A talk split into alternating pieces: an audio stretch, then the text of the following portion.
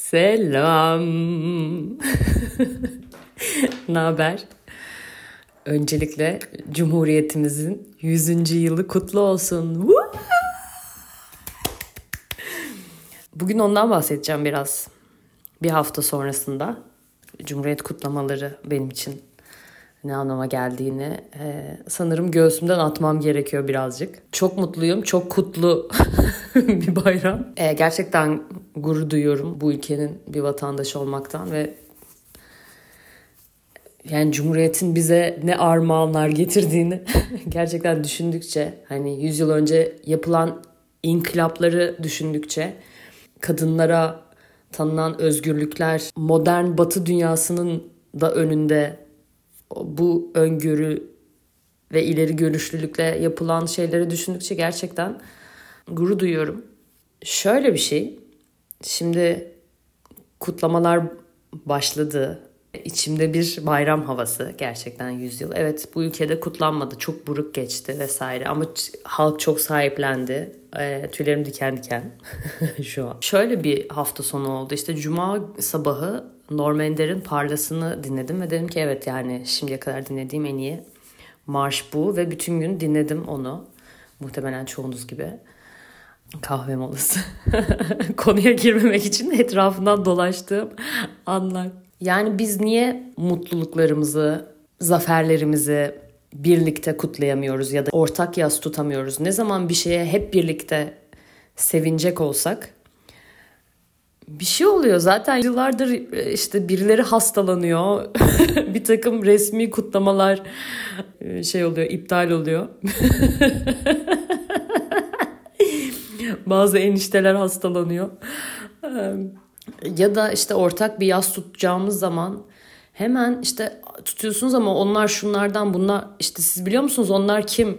Yani bizi ayrıştırmak isteyen bir hükümet var aslında tepemizde. Yani yan yana gelmemizi istemeyen, bizim günlük hayat pratiğimizde e, bir sürü farklılıklarımız olsa da tahammüllerimizi zorlayan e, kimliklerimiz olsa da e, yani günlük hayatın akışı içinde o kadar da zorlanmadığımız bir şey ya da işte hani bir kutlama olduğunda bir yaz olduğunda hep birlikte bunun peşine gitmek istiyoruz. Şöyle söyleyeyim. Başka ülkeler durduk yere mesela kutlayacak gün icat ediyorlar. Böyle işte yürüyüşler, parade'ler icat ediyorlar. Geçit törenleri düzenliyor. Durduk yere festivaller düzenliyor ve bunu böyle ülkenin sanki bir kültürüymüş gibi benimseyip gelenek haline getiriyorlar ve bu insanlara yılın o vaktini bekleyecek işte o günü sahiplenecek bir araya gelmek için hazırlık yapılacak ve işte insanların bir arada olma isteğini uyandıran günler organize ediyorlar ve bu e, devlet tarafından hani halkın içinde o birlik duygusunu diri tutma fikrini de perçinleyen şeylerden biri oluyor. Mesela e, 2017 2016 yılında Norveç'e gitmiştim. Hayatımda ilk defa Airbnb'de kaldım ve Airbnb'de paylaşımlı bir evde kaldım. Evin işte Airbnb'nin sahibi e, Perulu bir çocuktu ve kız arkadaşı da Norveçli böyle avukat bir kızdı. Ve o süreçte hani iki kültürü de tanıma fırsatım oldu. Perulu çocuk hani Norveç kültürüyle de çok alakalıydı ve hani o orayla ilgili de çok yönlendirdi beni. Neyse gel zaman git zaman orada e, bana böyle işte yemek de hazırladılar. Son gün evde pizza yaptılar benim için. Birlikte oturduk. E, öyle vakitler de geçirdik ve Sanırım onların ulusal bayramı Nisan'da mıydı, Mayıs'ta mıydı hatırlamıyorum. Ve hani bütün halk bayraklarla sokaklarda hep birlikte kutladıkları ve hani birlik olmadan çok bahsettiğini hatırlıyorum onun ve şaşırmıştım. Bize böyle bir 15 yıldır falan şey e, dikte ediliyor ya 15 yıl kadar bir süredir hani sanki Atatürk ve işte bayrak paylaşmak pek cool değilmiş ve işte tamam. Şimdi bu ülkenin tarihinde yüzleşmesi gereken, hesaplaşması gereken çok şey var. Ya da işte herkesin kutsalı farklı ama hani hiçbir şeyi kutsallaştırmamak zaten birazcık artık deterministik zihne sahip olan insanların başarabildiği bir şey. Dolayısıyla iyisiyle kötüsüyle şey demiyorum mesela o günün şartları diye bir şeye sığınmadan. Ben bugün bu ülkenin bütün her şeyiyle hesaplaşmasına yol açmamız gerektiğini düşünüyorum. Dolayısıyla böyle bir saçma bir furya zuhur etti hayatımıza. Sanki yeterince solcu olamıyormuşuz Atatürk sevgisi taşıdığımızda ya da hani milli bayram kutladığımızda yeteri kadar aydın ve entelektüel değilmişiz gibi. Tamam arkadaşlar en şeysizsiniz. Ha, sanki siz çok şeysiniz. Ya da bir CHP'li layık teyze ya da işte caddeli teyze gibi kibirlere sahip olmadan da ülke sevilebiliyor mu? Evet bence sevilebiliyor. Bakınız Normender Parla Marşı. Şundan bahsediyorum. Mesela Norveç'te bununla karşılaşmak beni şöyle çok şaşırtmıştı. Norveçlilerin işte kültüründe gerçekten kimse kimseden üstün değildir. İşte fırsat eşitliği vardır. Herkesin zaten hayat şartları hani ülke vatandaşların çok iyi. Ee, çok zengin bir ülke. Petrol ülkesi. Kültürlerinde eğer üstünlenen yani bir diğerine üstünlük taslayan bunu işte ya sahip olduğu para ya işte zeki olduğu için ya e, şuradan geldiği için ya işte ne bileyim yetenekli olduğun için bile böyle hani diğerine üstünlük taslarsan işte sana bu hatırlatılıyor ve böyle gerçekten toplumda ayıp karşılanan bir şey. Tamam bir Norveç değiliz. yani. ya dolayısıyla hani birbiriyle böyle yaklaşan insanların bir arada olma duygusuna şaşırmıştım. Kaldı ki çok mesafe seven insanlar, çok bireysel hayatlar.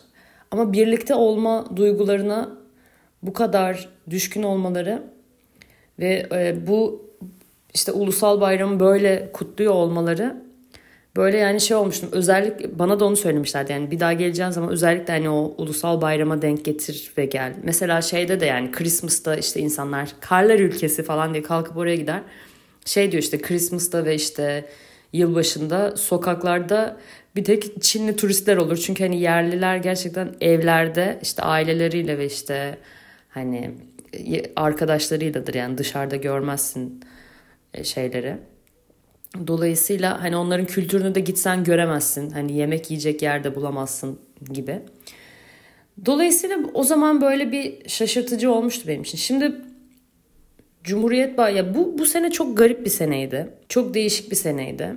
Çok da zor bir seneydi. Zaten yılın başında daha Taksim'de bomba patladı. Bu arada ekleme yapmam gerekiyor.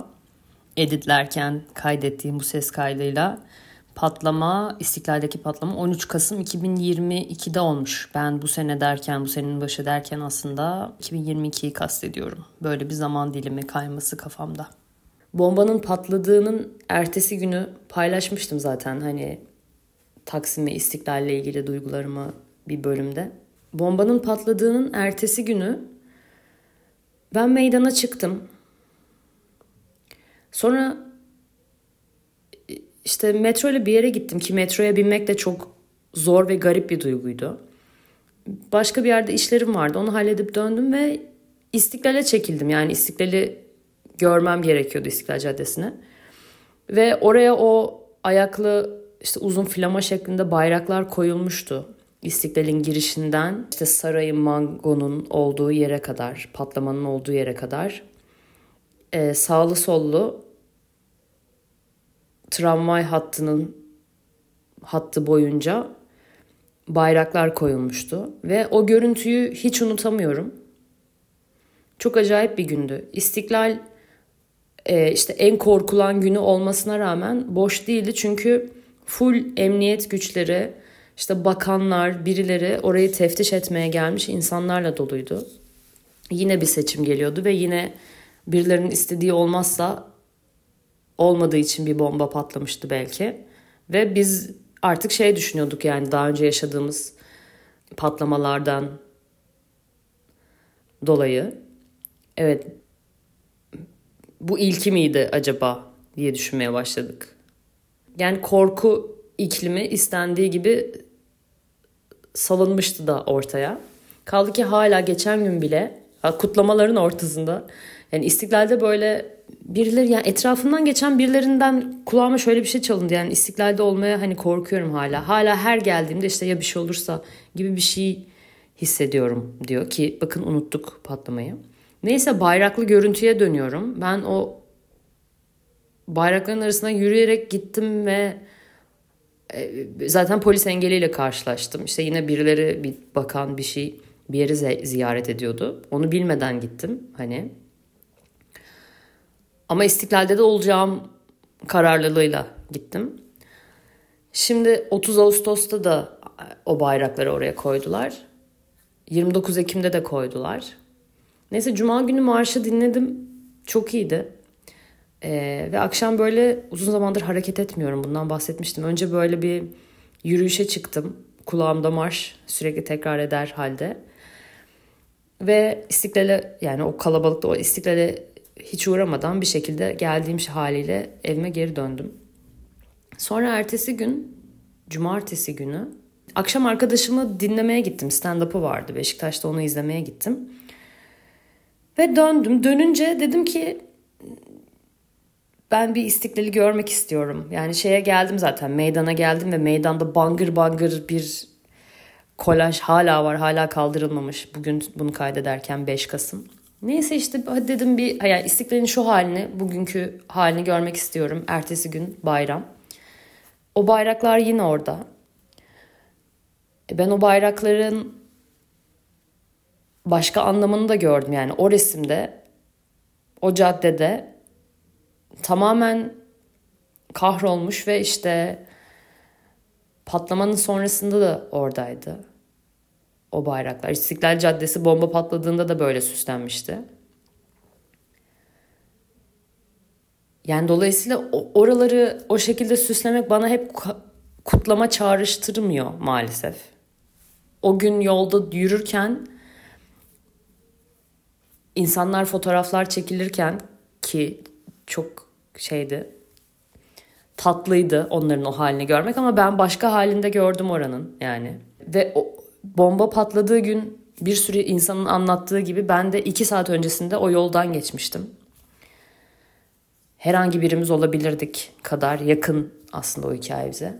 Bu arada mesela işte cuma, cumartesi akşamları hatta hafta içi akşam bile istiklalde yürürseniz herhangi bir zaman istiklalde böyle yani hep böyleydi ama artık işte barların da çoğunun taşınması işte dışarıda masaların konulmasının engellendiği zamanlardan sonra yani 2013'ten sonra e, eskisi gibi olmasa da hala bangır bangır böyle istiklalde yürüyorsun bir hafta içi bir yerden aşağıya böyle nasıl bir ses boca olmuş şekilde e, bangır bangır iğrenç müzikler duyarsın. Yani gürültüden yürüyemezsin. İnsan kalabalığının sesinden, insanlardan, mekanlarda çalan müziklerden yani bu sesler birbirine karışır. Tramvay sesi, işte mağazaların müzik sesi vesaire. Baya cumartesi akşamı, ertesi gün 29 Ekim yani 28 akş 28 Ekim cumartesi akşamı İstiklal'de yürüyorum ve çıt yok. Her yer bayraklı ama bayağı matem havası. Ben İstiklal'i bir cumartesi akşamı hiç bu kadar sessiz görmedim. Hiç. Sadece bir tane yerde müzik duydum. Onun dışında sonuna kadar yürüdüm ve hiç müzik yok. Yani bu kadar sessiz bir İstiklal Caddesi ne gündüz ne gece ben görmedim. Ve şeyi düşündüm yani biz böyle işte o günlerde markaların, şirketlerin yaptığı reklam filmlerini izliyoruz. Gözlerimiz doluyor. Birinin bir kucaklayıcı, coşkulu paylaşımını görüyoruz. Gözlerimiz doluyor. Yurtlardaki öğrencilerin barınam barınamıyoruz hareketini görüyoruz. Yani kutlama yasımız geliyor. Ama mesela Cumhuriyeti kutlayabilmek varken niye biz böyle hani ağlamakla oluyoruz? Niye ağlıyoruz? Elden kayıp giderse duygusuyla mı ya da işte e, en küçük bir böyle e, şefkat içeren, merhamet içeren hareket gördüğümüzde niye bu kadar gözlerimiz doluyor? Artık hiç kalmadığı için mi böyle? Hani o gördüğümüz küçücük şey bize ışık olup böyle bir umut olduğu için mi? Mesela öğrencilerin hareketi hala devam ediyor. Hala dün Muş'ta bir asansör tekrar düştü. Öğrenciler, dört tane öğrenci yurttan atıldı eylem yapıyor diye ki kocaman bir kalabalık orada. Böyle olurken mesela şey o, o gün şunu gördüm. Çanakkale'de eylem yapan öğrenciler işte bilmem nereden nereye kadar yürümüş.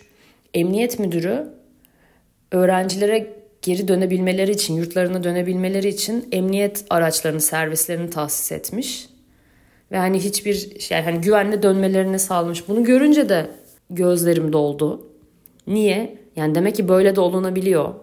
İnsanların kafasını gözünü ezmeden, eylem yapmalarına engel olmadan, onların güvenliğini sağlamak için orada olarak alan açmak da mümkün oluyor diye. Yani hani bütün şiddetin ortasında küçücük bir merhametli hareket görünce neyi hatırlıyoruz yani bütün ol- olabilecek iyi ihtimalleri mi hatırlatıyor? O yüzden mi gözlerimiz doluyor? Bilmiyorum. Dışarıda ülkelerde birlik olmak için günler uyduruluyorken böyle işte bilmem ne festivali. Yani mesela şeyi hatırlıyor musunuz? David Beckham kraliçe öldüğünde halkla birlikte sıraya girdi. İşte o böyle saatlerce beklenen sadece tabutun başında işte bir selam verip gidebilmek için saatlerce beklenen sıraya David Beckham VIP VIP kartlarını kullanabilecekken işte kraliçeden nişan almış biri olarak ünvan sahibi biri olarak oraya istediği gibi girebilmek mümkünken şey demişti yapılan böyle küçük röportajda o sıra arası o sırada ben hani burada bu halkın içinde yani hani herkesle birlikte olmak, ölümünü değil yaşamını kutlamak için buradayım. O birlik duygusunu hissetmek için. Bu kutlamaların bir parçası olarak yani bu bu ülkenin vatandaşı olarak, buranın bir parçası olarak bu duyguyu yaşamak için buradayım demişti. Bizde de şu yaşatılıyor mesela. Voleybolda dünya şampiyonu olmuşuz kupalar kazanmışız üst üste. Hiç hiç yani hayal edilemeyecek şeyler başarıldı sadece bu sene içinde bile. Ama mesela Taksim'de işte hep birlikte izlenen ekranlar kaldırılıyor. Niye? Ya birlikte sevinirsek diye. Hep birlikte sevinirsek aynı şey için. Sadece voleybola sevinemeyelim diye işte short bahane e, e, short ortaya sürülüyor. İnsanların kimlikleri ortaya sürülüyor. LGBTQ plus ayrımı e, insanların zihnine zerk ediliyor, şeytanlaştırma, ötekileştirme yapılıyor. Bir şekilde hemen oraya bir bomba bırakılıyor. Yan yana gelinmesin isteniyor. Bu bence bence en kahredici şey bu.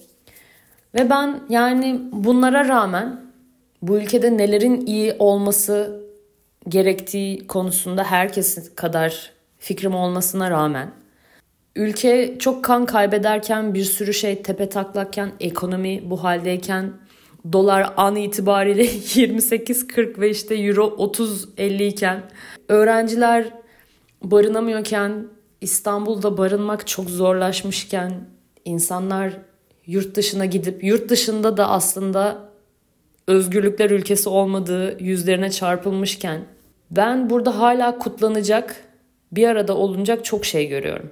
Ve bu ülke insanları olarak hep birlikte günlük hayatımı paylaşmak istemeyeceğim insanlarla bile hani aynı görüşü paylaşmadığım insanlarla bile yani kutlamayı resimsiz, bayraksız hissetmek isteyen insanlarla bile herkesle kutlamamız için bir sürü sebep görüyorum. Bir sürü şeyle barışmak gerektiğini bilerek hiçbir şeyi unutmadan hiçbir şeyi kutsallaştırmadan, kimseyi şeytanlaştırmadan, ötekileştirmeden hep beraber burada eşit, adil yaşamamız çok mümkün. Ve cumartesi günü kutladım. Deliler gibi kutladım.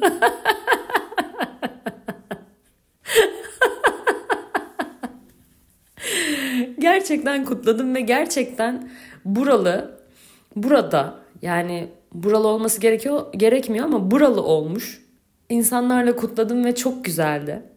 Ee, çok sevdiğim mekanlar çok sahip çıkmıştı. Ertesi günü yani yerimde duramadım. Sabah kalktım çok hangover'dım.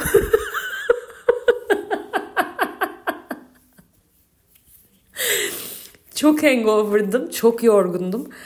Ama böyle kurdum kaynadı yani yerimde duramadım gerçekten.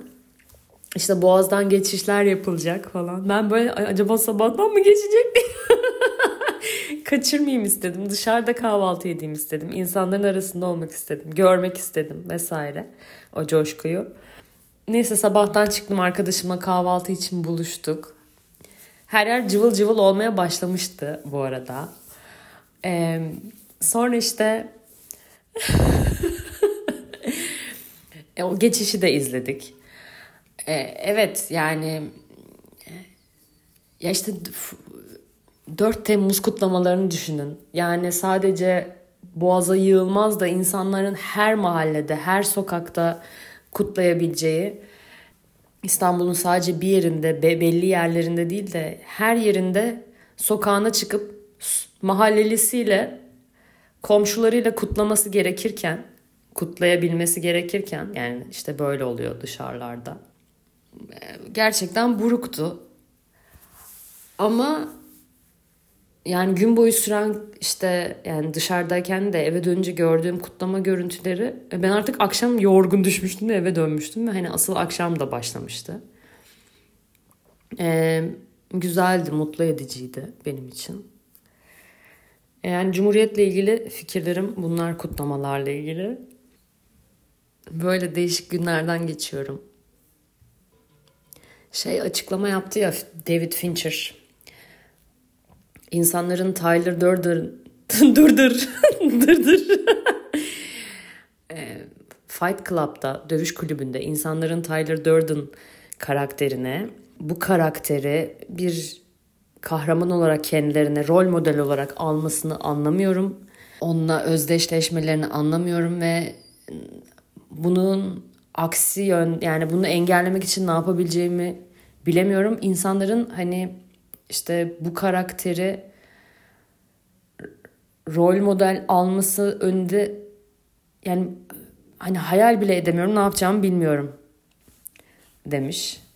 Yani insanların anlama şekillerine ben hayret ediyorum. E, sosyal medyada da çok fazla kişiye ulaşırken görüyorum bunu. Hiçbir şey anlamamalarını, anlayamayacak olmalarını gerçekten hayretle karşılıyorum. Bir yandan inseller hızla artışta. Bunu anlatamayacağım galiba. Araştırın. Yani insanların stand-up'la talk show'u çok karıştırdığını fark ediyorum. Ya stand-upçıların talk show'cu sanıyor. E, ve böyle yani işte crowd work denilen böyle stand-up'tan tamamen farklı olan bir format var. O da işte seyirciyle sürekli etkileşim halinde olan bir format yani işte bu konuşanlar programı gibi. Hasan Can'ın kendisinin stand-up'ı da apayrı bir format. Yani ben sahnede bir şey anlatıyorum ve siz beni dinliyorsunuz başka bir formatken crowd work hani sürekli seyirciye soru sorup onlardan geri bildirim alıp onun üstüne bir şey söyleyip pat laf sokup falan.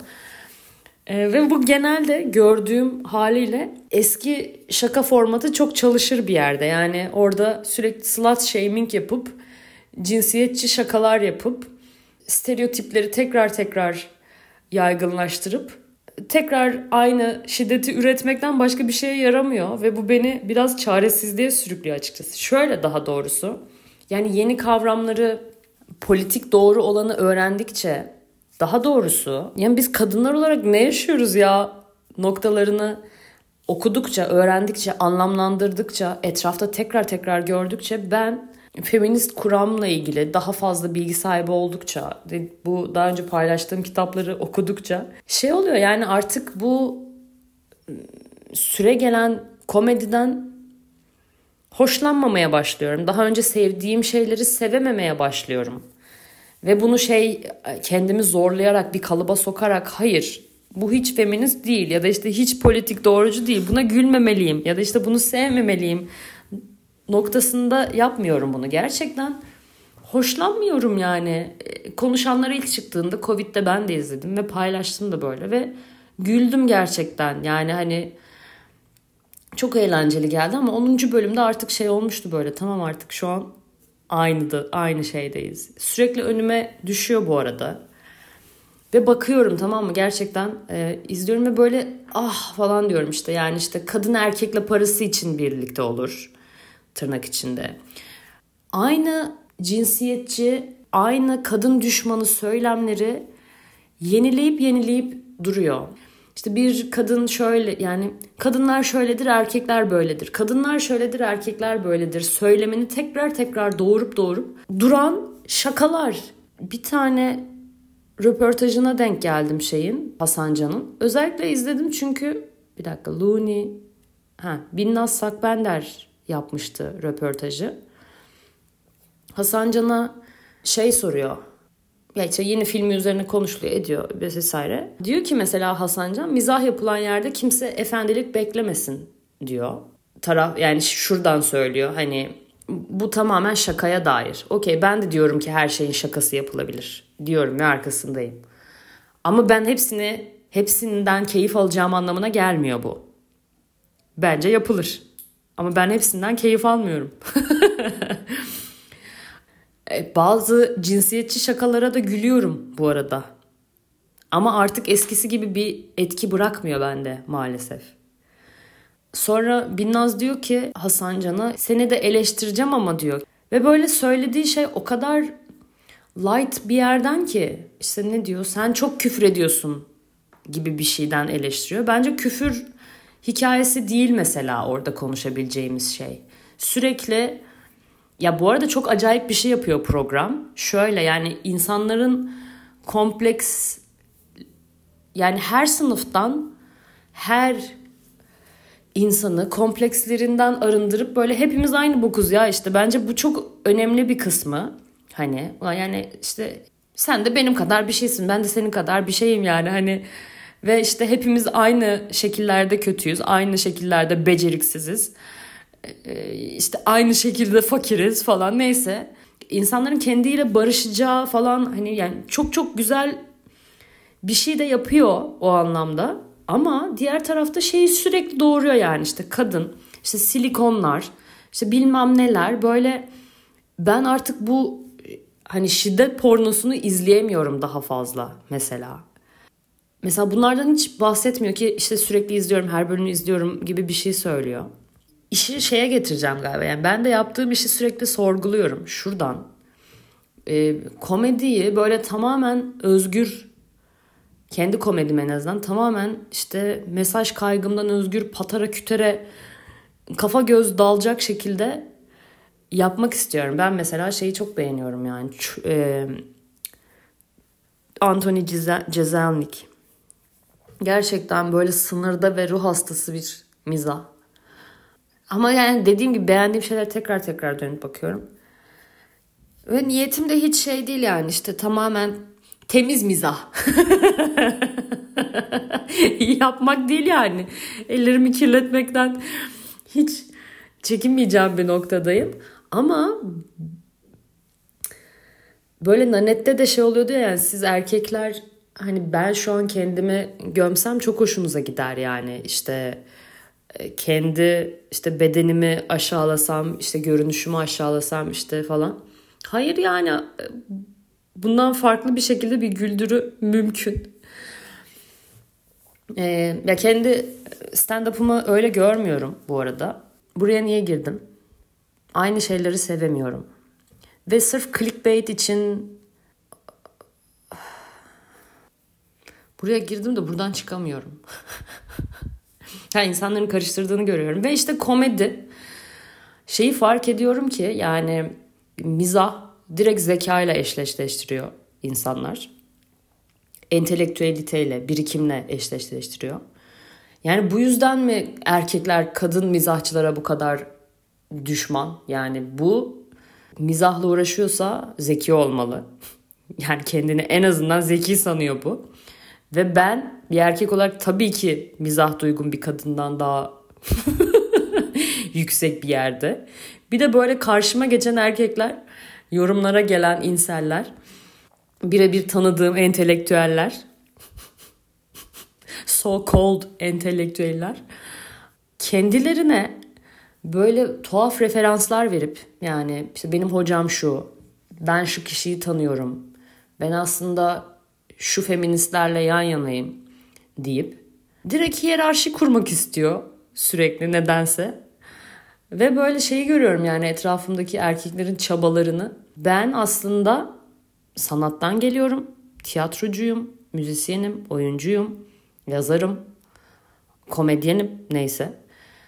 Ve referanslarım bu. Bakın ben şu kişilerle çalıştım. İşte şuralarda bulundum. Referanslarım bu. Dolayısıyla senden daha üstünüm. Gerçekten kadın düşmanı onlar. ya bir şekilde böyle baş edemeyip hayır ben bundan daha iyiyim diyebilmek için tuhaf tuhaf hallere giriyorlar. Ve bitmek bilmeyen bir savaşları var. Geçmiş olsun ve beter olun. ve bunu böyle işte pohpohlar bir yerden yapar gibi başlayıp sonra böyle e, aşağılama çabalarıyla falan kendi kendilerini rezil edip bir kenara çekiliyorlar. Yazık yapmayın.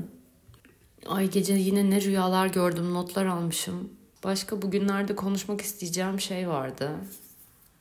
Ha ben işgüzarlık sevmiyorum. Böyle onu yapalım bunu yapalım. Durup durup iş yaratıp öyle bir kalabalık yaratıp, laf kalabalığı yaratıp, iş kalabalığı yaratıp, asıl yapılacak şeyden uzaklaşıp falan böyle. Uf, ben bu ara böyle benim vaktim çok değerli. Ve böyle fazlaya fazlaya gelemiyorum yani. Herhangi bir şeyin fazlasına gelemiyorum. Ee, zihnim ve odağım bana çok lazım arkadaşlar. Çok teşekkürler. şey çok kolay ve ucuz bir seçenekken laf koymak, şiddeti tekrar yaratmak. Of. Yani orada yokum. Yani isteyen istediği kadar zeki görünme ihtiyacını tatmin edebilir. Ee, daha önce podcast'te de bir sürü sevdiğim şeyden bahsettim ama şeyi fark ediyorum. Bunu ya diğer kadınlardan çok öğreniyorum bu arada. Dayanıştığım kadınlardan çok şey öğreniyorum. Gerçekten kendinize yani sırf aa feministim dediği için herkese güvenin ve bariyerlerinizi direkt aşağıda tutun demiyorum ama bir şekilde çok değerli kadınlara denk geldim yani çok şey öğrendiğim. Mesela bir şey oldu ve şunu öğrendim son bir ay içinde. Yani hiçbir erkeğe kefil olamayız. Hayır bunu daha önce de duydum. Daha önce paylaştığım, işlerini beğendiğim insanlar oldu. Failler çok aramızda. Tamam mı? Yani o kadar sistematik hareketleri var ki yeteri kadar şey görünce dayanışma örneği görüp okuyup paylaşımları da görünce kadın düşmanlarının cinsiyetçi erkeklerin kadın içselleştirilmiş kadın düşmanlığı taşıyan kadınların aslında böyle sistematik çok kendini tekrarlayan paternler içinde olduğunu görebiliyorum artık.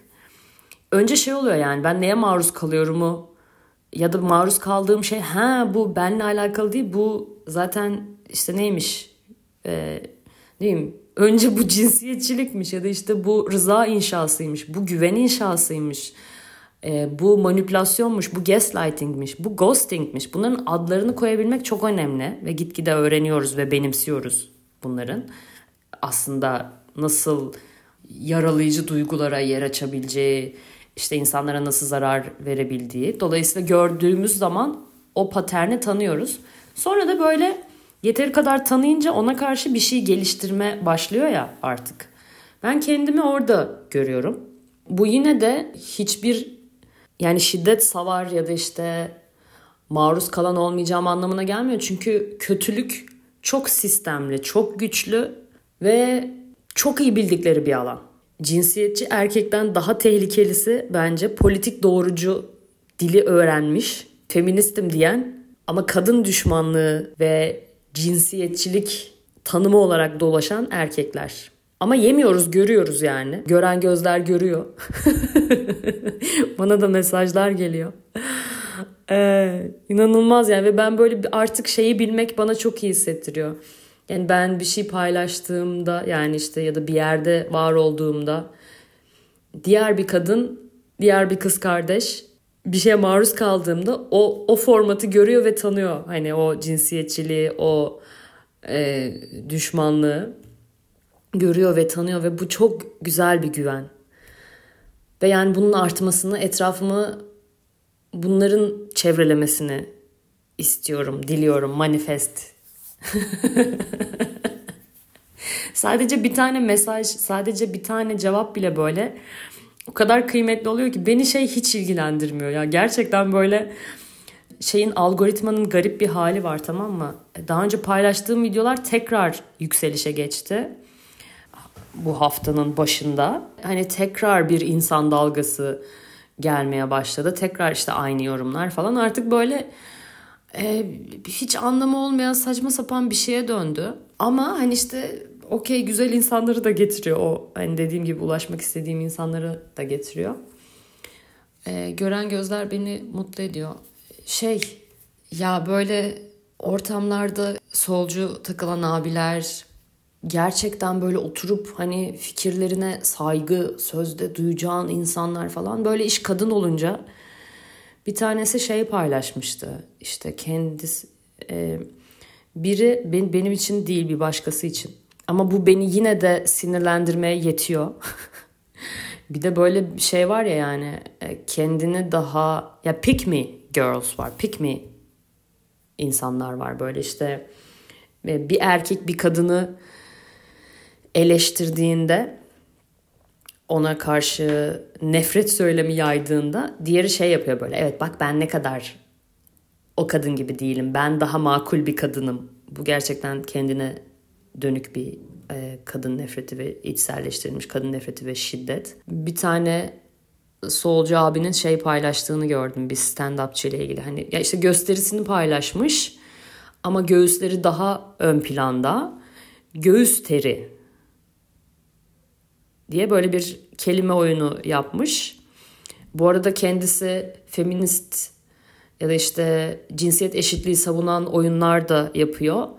Ama işte Yeri geldiğinde işte kadın haklarını da savunuyor diğer kadınlarla birlikte. Ondan sonra ama kendisinin doğurduğu şiddete bakar mıyız? Yani bir kadın sadece olmak istediği için olduğu için e, bunu kendi fiziğini ön plana çıkarmak için yaptığını düşünüyor. Dolayısıyla bütün o iş o kadar düşüyor ki yani bütün arkasında durduğun değerler o kadar duruyor ki sen bir kadın düşmanısın dayıcım. Bu kadar. Bir kadın kendi kadınlığıyla, seksiliğiyle, güzelliğiyle barışık olup bunu yaşıyorsa mesela normal hayatta gösteri yapıyor diye şey mi yapmalı mesela? Daha erkeksi, daha akıllı görünen o erkeksiliği üstüne giyip yani sana ne bu hakkı veriyor? Boş adam.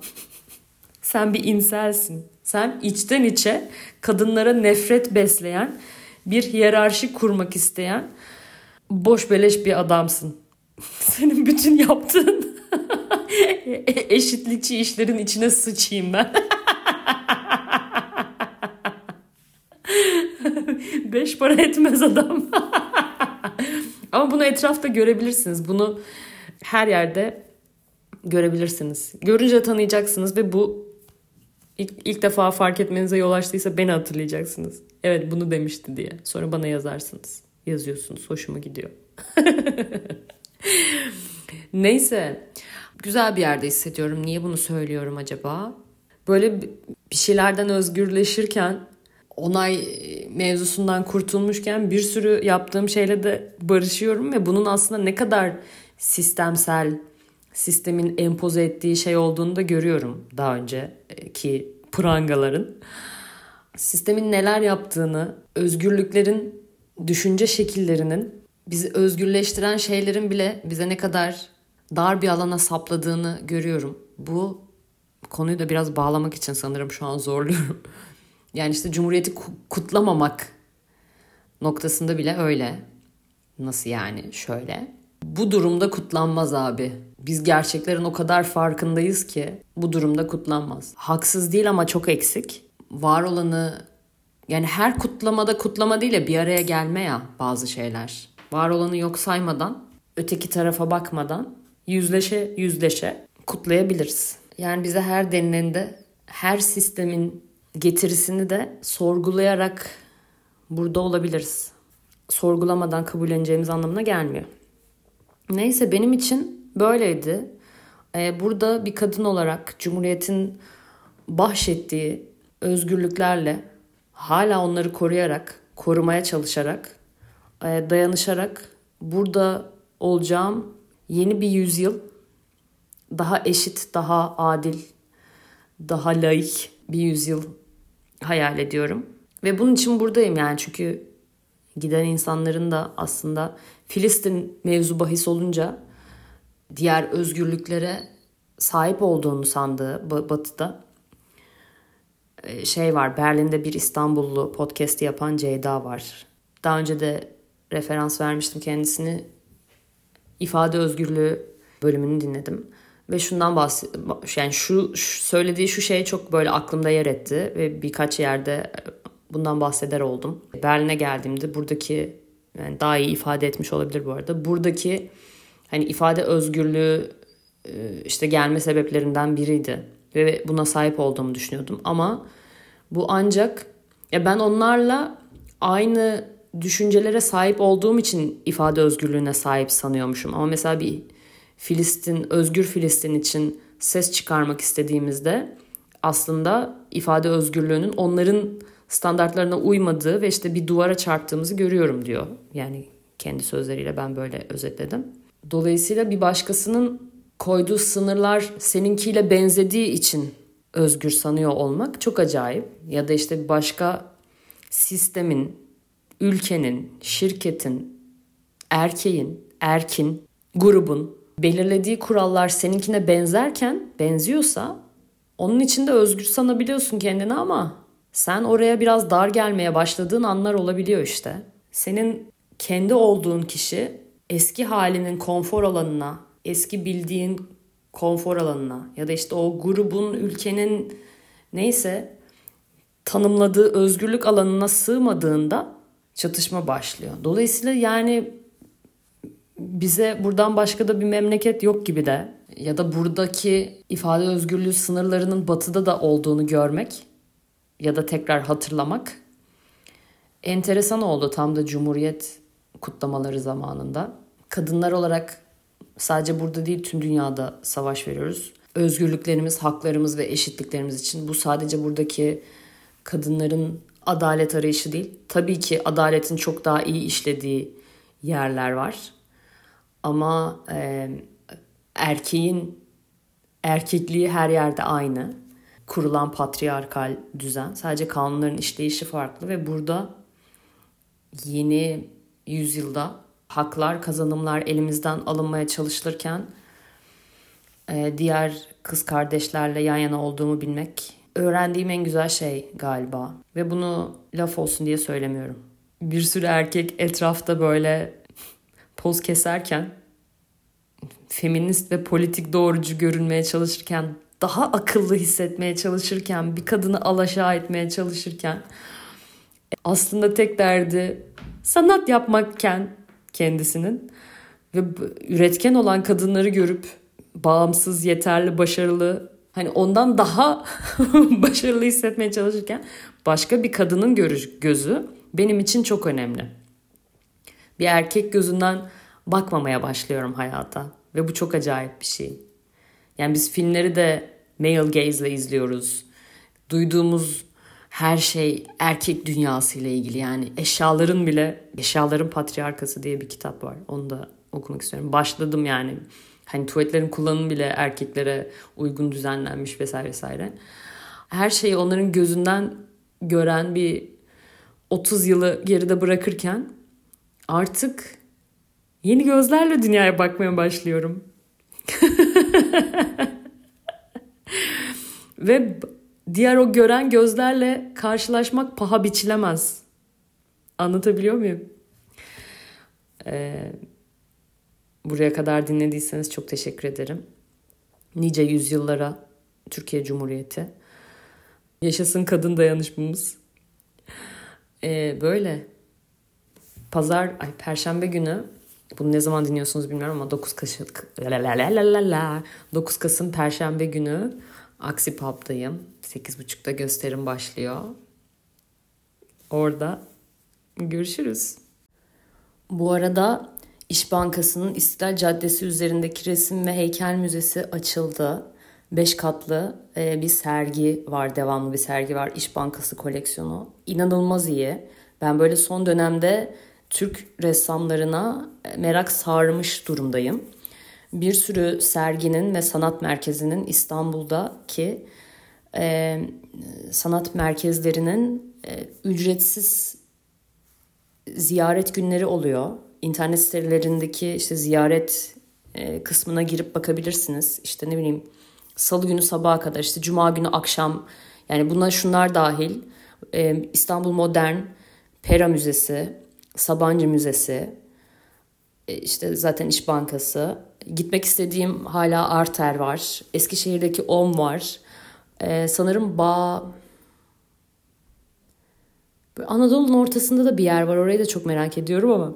Neyse İstanbul'da sayısız alan var ve gittikçe yani ben Sabancı'dan gezerek başlamanızı tavsiye ederim. Ya da kendinize uygun olan eğer çalışıyorsanız full time tabii ki.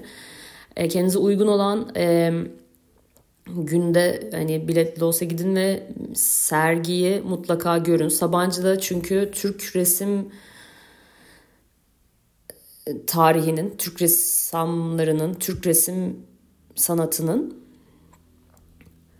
işte son 100 yıldaki işte kim kimin ustası nasıl yani çok iyi bir tarih süzgecinden geçirerek gelişimini de anlatarak e, yer veriyor. Sonra oradaki ressamların işte eserlerini gidip modernde de görün. İşte moderndeki ressam ya böyle bir kafamda aslında bir harita oluşuyor ve resimleri incelerken de şu oluyor bende.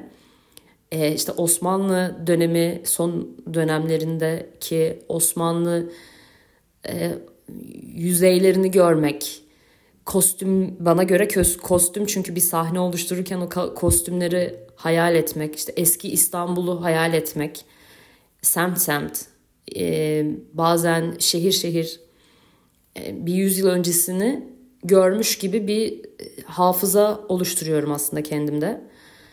E, ya da işte ne bileyim boğaza bir taraftan bakan bir resme baktığımda şimdiki halini hayal etmek, görmek, karşılaştırmak e, bilmiyorum beni çok mutlu ediyor ve zenginleştirdiğini hissediyorum açıkçası. Kostümler dediğim gibi çok ilgimi çekiyor kadınların, e, kişilerin e, hayatlarına küçük bir böyle glimpse de olsa yani şöyle bir küçük bakış da olsa e, ona bakmak.